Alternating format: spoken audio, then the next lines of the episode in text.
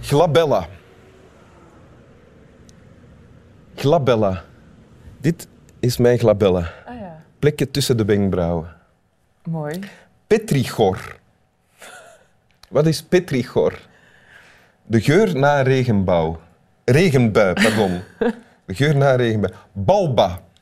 Mhm. Balba. Wat is jouw balba?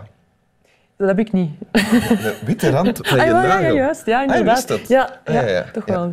Voilà, nieuwe woordenschat op een doodgewone doordeweekse dag. Dus het moet wel winteruur zijn, denken de mensen thuis. Klopt, want ik zit hier met Swami Bami en mijn gast van vandaag, Imke Courtois. Welkom in Winteruur. Dank u wel. Imke Courtois, ehm, ex-topvoetballer, hè, Red Flame, geweest. Het schijnt. Voetballer bij Standaard. Ja. Zeggen ze voetballer of voetbalster voor een vrouwelijke voetballer? Oh, Het is eerder voetbalster, maar ik, vind- ik vind het ook niet erg als je gewoon voetballer zegt. Ja. Nee. Eh, kinesiste Ja. en eh, nog geen doctorandus. Je bent aan het doctoreren ja, in de psychologie. in de psychologie Ja, over het verband tussen ademen en pijn. ja. helemaal juist. En hoe je pijn kan beïnvloeden met je ademhaling. Ja. Oké. En daarbovenop heb je ook nog eens een tekst meegebracht om voor te lezen. ja, af en toe lees ik ook wel eens door eh, na al die wedstrijdanalyses heen en eh, mijn doctoraat heb ik af en toe ook nog wel eens zin om te lezen. Ja, lees eens voor. Ja, oké. Huh. Hier. Sigarenwinkel. Ik ben niets.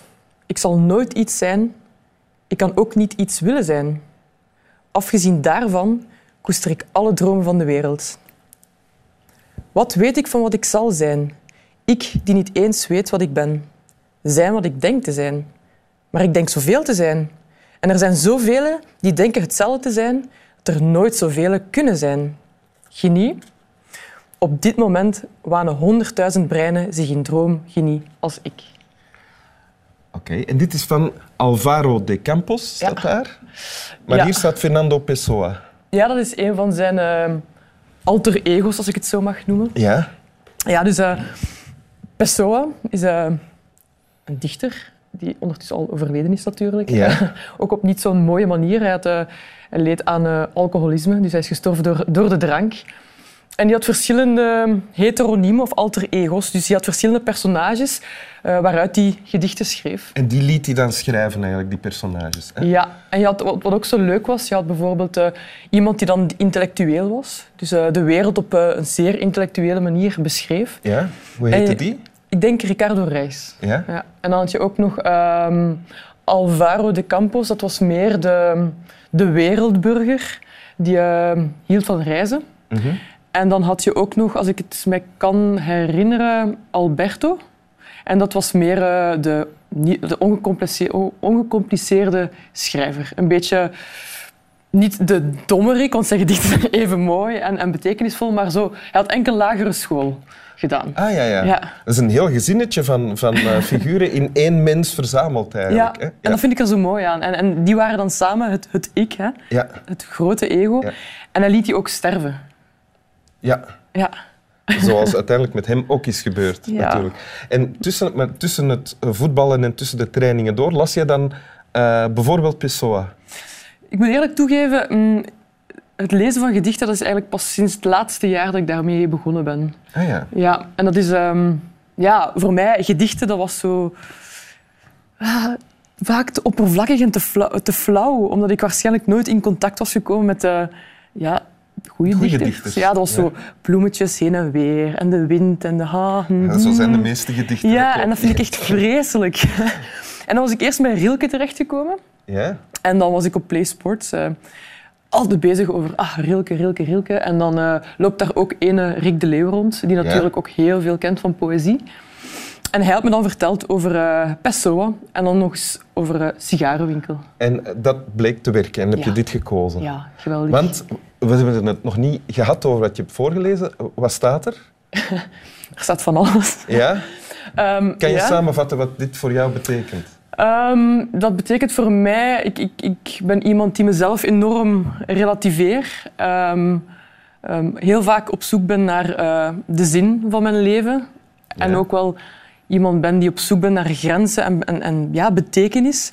Maar ook heel goed besef dat ondanks dat ik ehm, bijna drie diploma's heb, ehm, dat dat eigenlijk allemaal...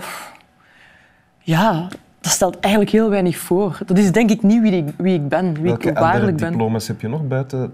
Ergotherapie. Ik ben ook een ergotherapeut. Oké. hè. ah, ja. Ja, dus... Fijn, dus dat stelt eigenlijk allemaal niet zoveel voor. Nee, dat is een soort van bekleding.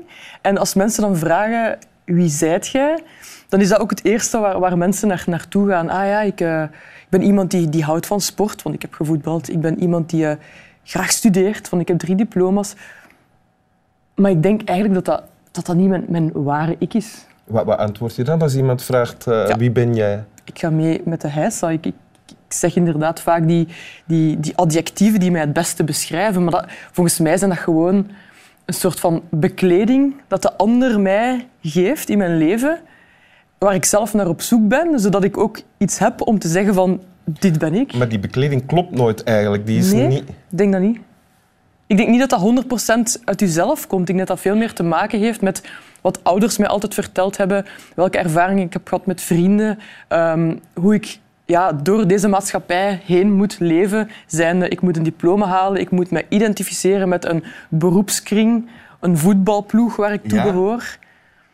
En dat is nooit echt gelukt, want dit, dit soort Dat is beschouwingen... wel gelukt, maar Ja, nooit helemaal. Ik bedoel, dat is wel gelukt, maar het, is nooit, eh, het blijft niet plakken.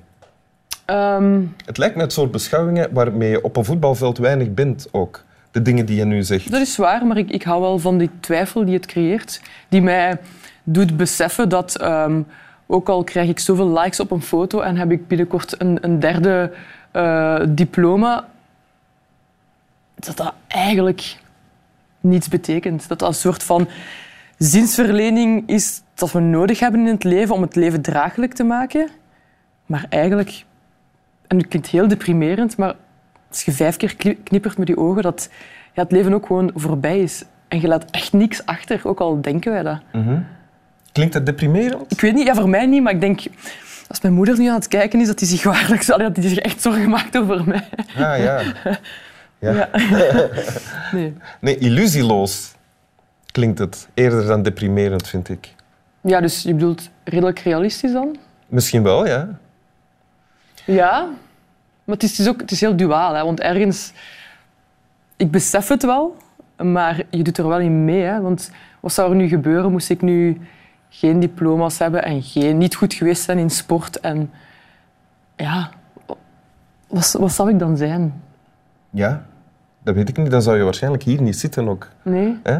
Ja? Ehm, wat ik mij afvraag, als je dan die, eh, dit leest voor het eerst, Ja. en dat is nog geen jaar geleden, Nee, is er dan herkenning? Is er dan zoiets van, ah, eindelijk hier staat iets dat ik eh, herken?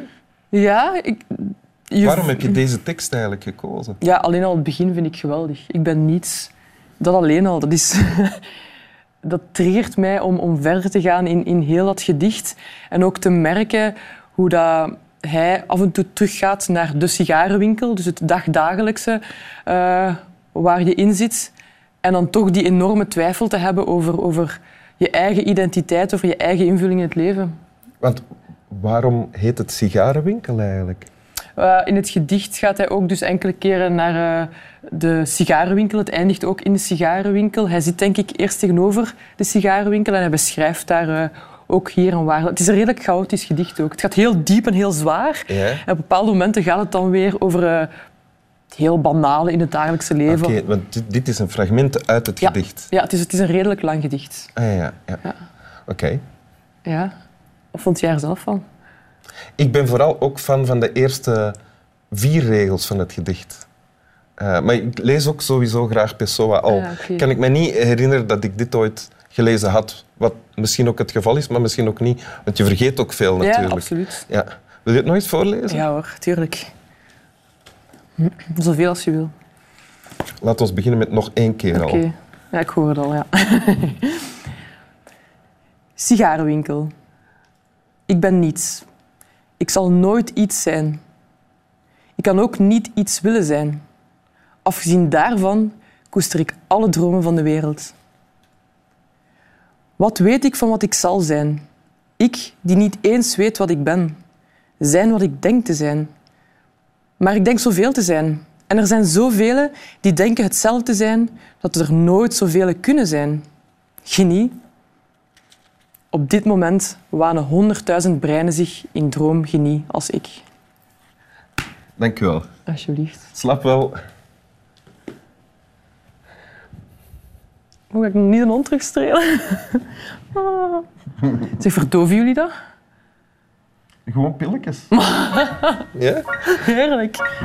Dat is verdacht braaf.